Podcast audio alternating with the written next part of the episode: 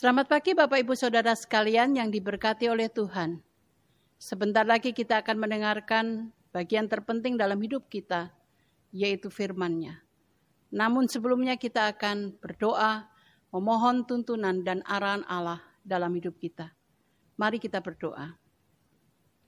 Bapa kami dalam surga, kami datang kepadamu Tuhan pada pagi hari ini. Hati kami penuh dengan pengucapan syukur terima kasih untuk kekuatan kesehatan yang Tuhan anugerahkan dalam hidup kami. Terima kasih Tuhan walaupun kami hanya ibadah di rumah, tetapi kami dapat mendengarkan firman-Mu. Tuhan berbicaralah kepada kami masing-masing Tuhan. Kuasailah hati kami, kuasailah pikiran kami. Dan biarlah hanya Engkau ya Tuhan yang berbicara kepada kami masing-masing. Pribadi lepas pribadi sehingga melalui kebenaran firman Tuhan yang kami dengarkan, nama Tuhan dipuji, nama Tuhan diagungkan, nama Tuhan ditinggikan dalam hidup kami. Tuhan, kami siap mendengarkannya. Dalam nama Yesus kami berdoa. Amin. Bapak Ibu Saudara sekalian yang diberkati oleh Tuhan, pembacaan firman Tuhan pada pagi hari ini terambil dalam Injil Matius 16 ayat 21 sampai dengan 23. Matius 16 ayat 21 sampai dengan 23 saya akan membacakannya bagi saudara sekalian. Pemberitahuan pertama tentang penderitaan Yesus dan syarat-syarat mengikut dia.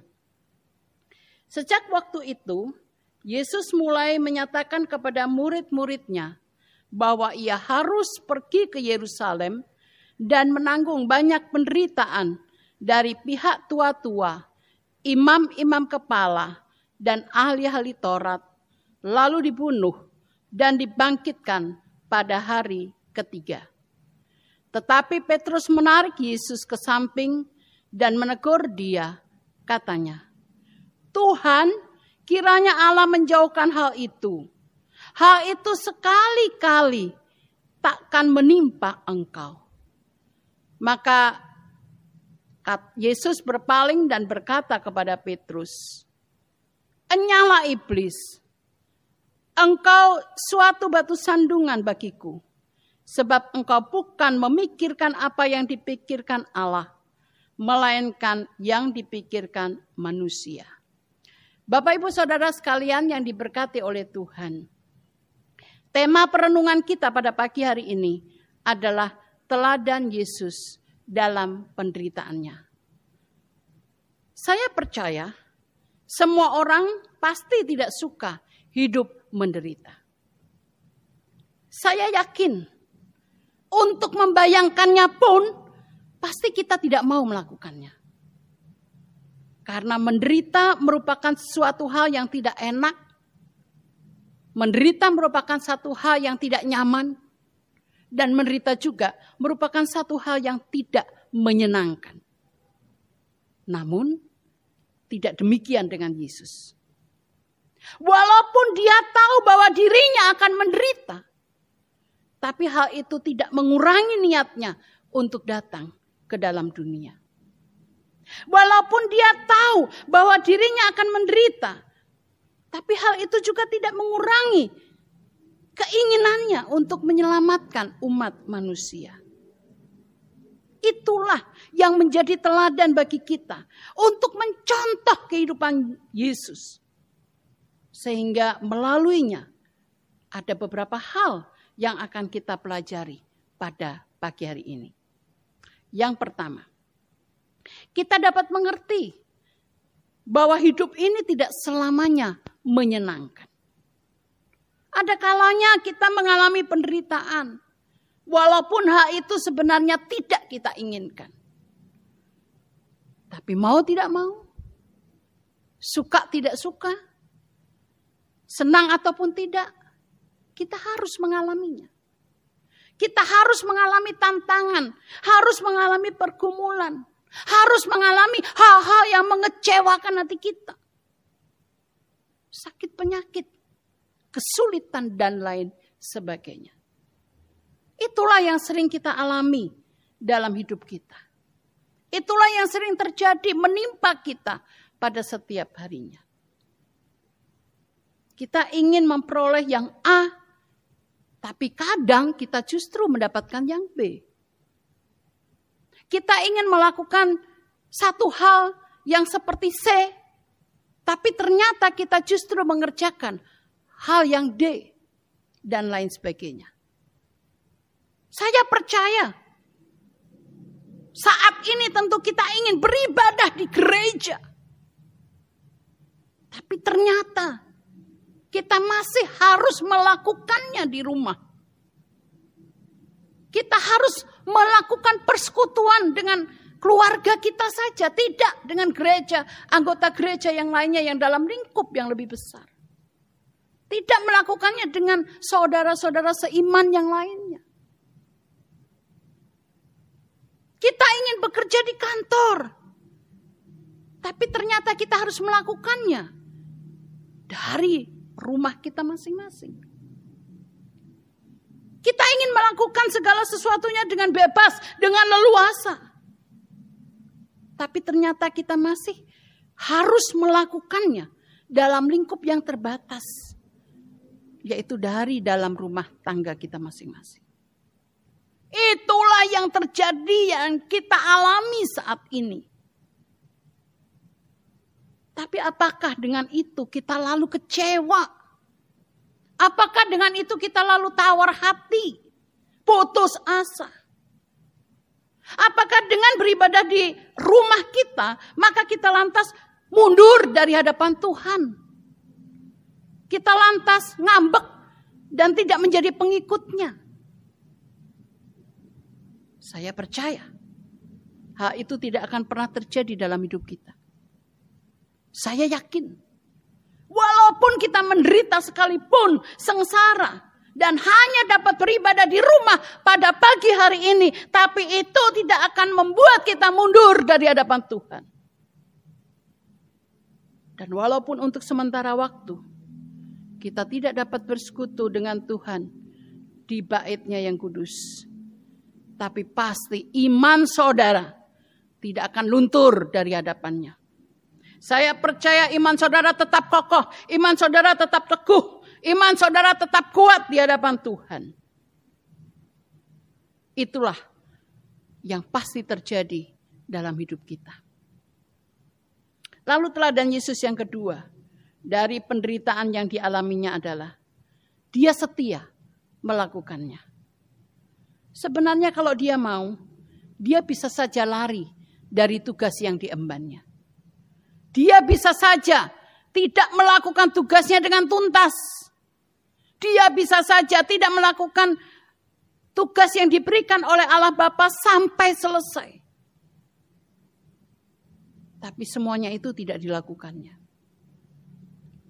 Dia tetap setia menanggung penderitaannya. Dia tetap setia memikul salibnya. Dia tetap setia menanggung dosa kita. Dan dia pun tetap setia menuntaskan tugasnya di atas kayu salib sampai dia mengatakan sudah selesai. Dan dengan teladan ini, kiranya kita juga akan melakukan hal yang sama. Kita harus setia melakukan tugas pekerjaan kita sampai selesai. Kita harus belajar setia melakukan tanggung jawab kita. Kita harus setia melakukan segala sesuatu yang menjadi beban dalam hidup kita. Bahkan lebih daripada itu, kita harus setia kepadanya. Kita harus setia mengikutinya. Kita harus setia melayaninya. Kita harus setia melakukan perintah-perintahnya yang Tuhan inginkan kita lakukan dalam hidup kita.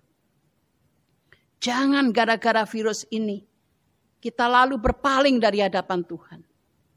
Jangan gara-gara virus ini kita lantas tawar hati, kita lantas kecewa, kita lantas mundur dari pelayanan kita. Jangan kita berbuat demikian. Manusia boleh mengecewakan hati kita. Boleh membuat kita tawar hati. Tapi Tuhan tidak pernah mengecewakan hati kita.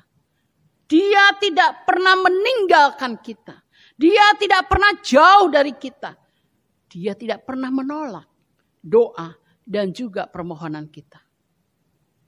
Karena itulah saudara, kita harus tetap setia kepadanya. Kita harus tetap setia menjadi pengikutnya. Kita harus tetap setia melayaninya. Apa pun yang terjadi, kita harus setia melakukan perintah-perintahnya. Lalu teladan Yesus yang ketiga adalah Yesus kuat dalam penderitaan yang dijalaninya.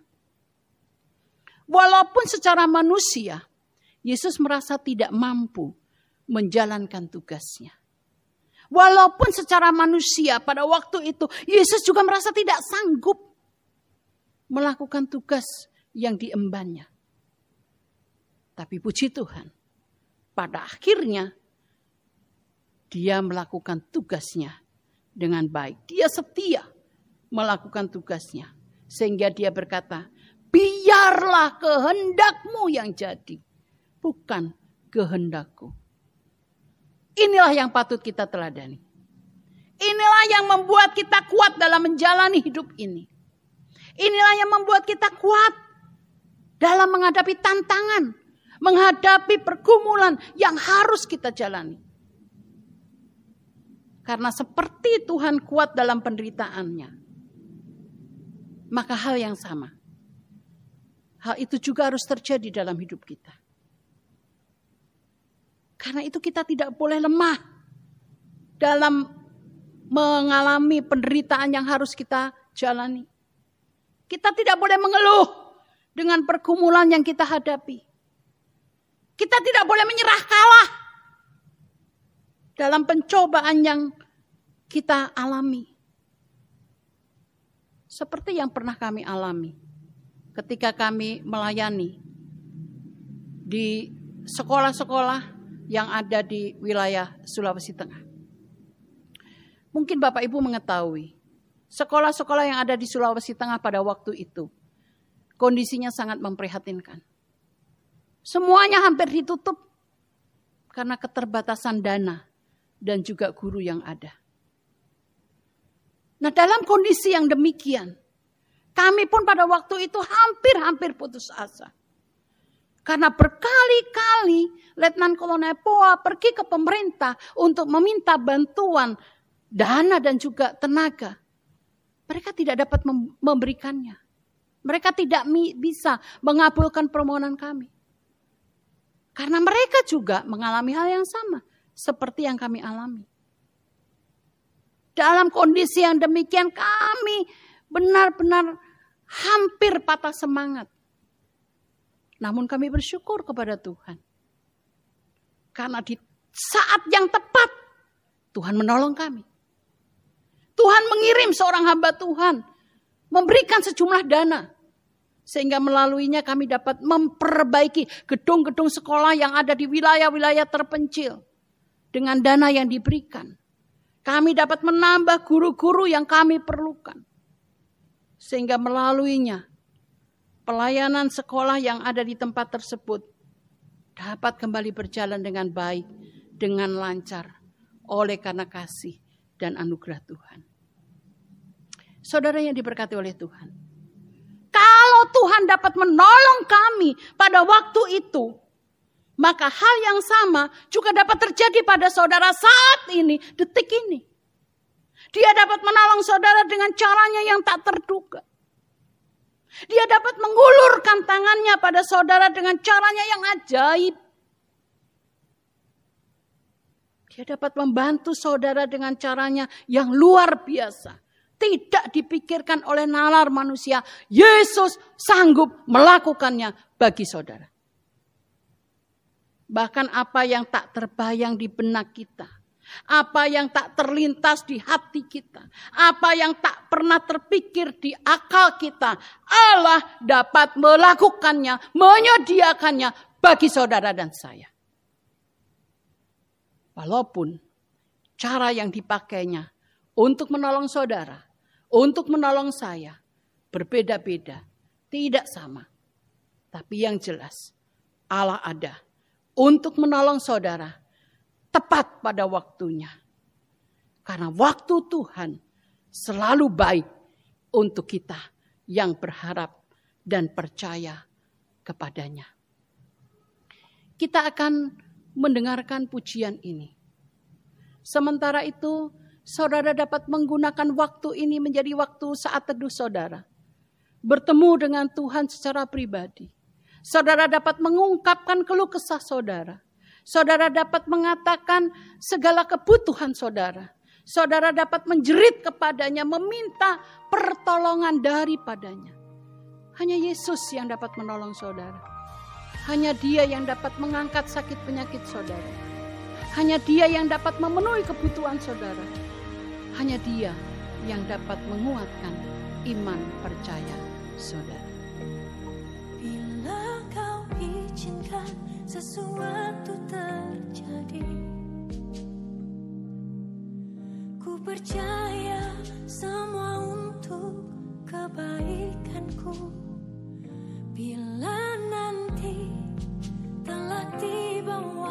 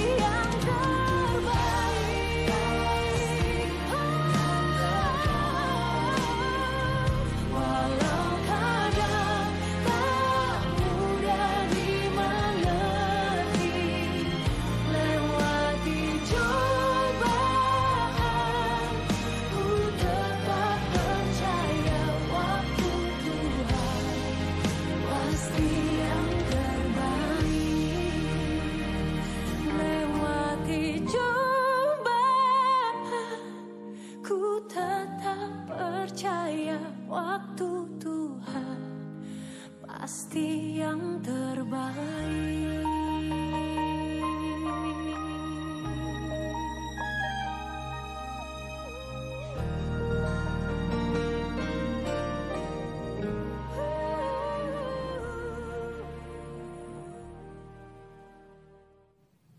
Mari kita berdoa.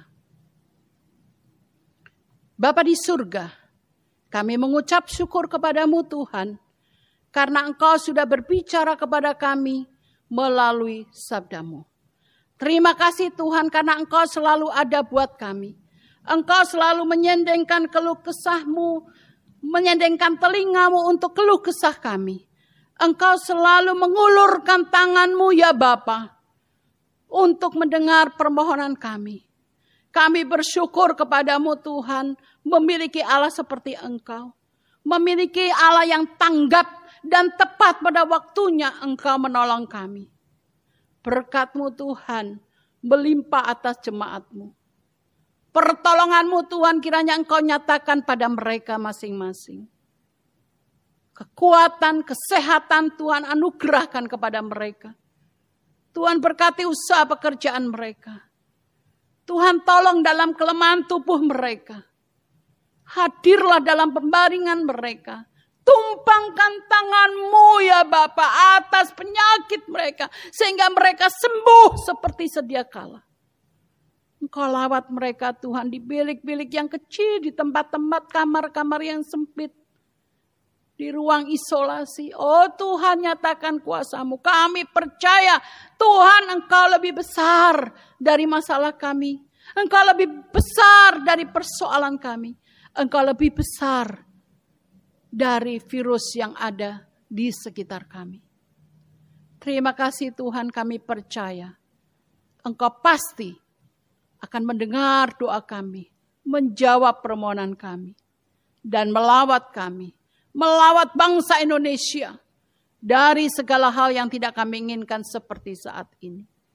Memberkati bagi Presiden Jokowi dan para stafnya, supaya mereka selalu dapat memikirkan yang terbaik untuk negeri kami. Bapak di surga berkatilah komandan teritorial kami, supaya mereka juga dapat memikirkan hal-hal yang baik untuk pelayanan bala keselamatan di Indonesia. Terima kasih Tuhan, Engkau selalu ada buat kami. Berikanlah kekuatan iman, ketabahan bagi kami, supaya kami tetap dapat menerima kenyataan ini, melakukan segala sesuatunya dari rumah kami masing-masing. Ini Bapa doa kami, mengampuni kekurangan dan kelemahan kami. Hanya dalam namamu ya Tuhan Yesus, kami berdoa. Terimalah berkat Tuhan. Tuhan memberkati engkau dan melindungi engkau. Tuhan menyinari engkau dengan wajahnya dan memberi engkau kasih karunia. Tuhan menghadapkan wajahnya kepadamu dan memberi engkau damai sejahtera dari sekarang sampai Tuhan Yesus datang kembali untuk yang kedua kali. Amin.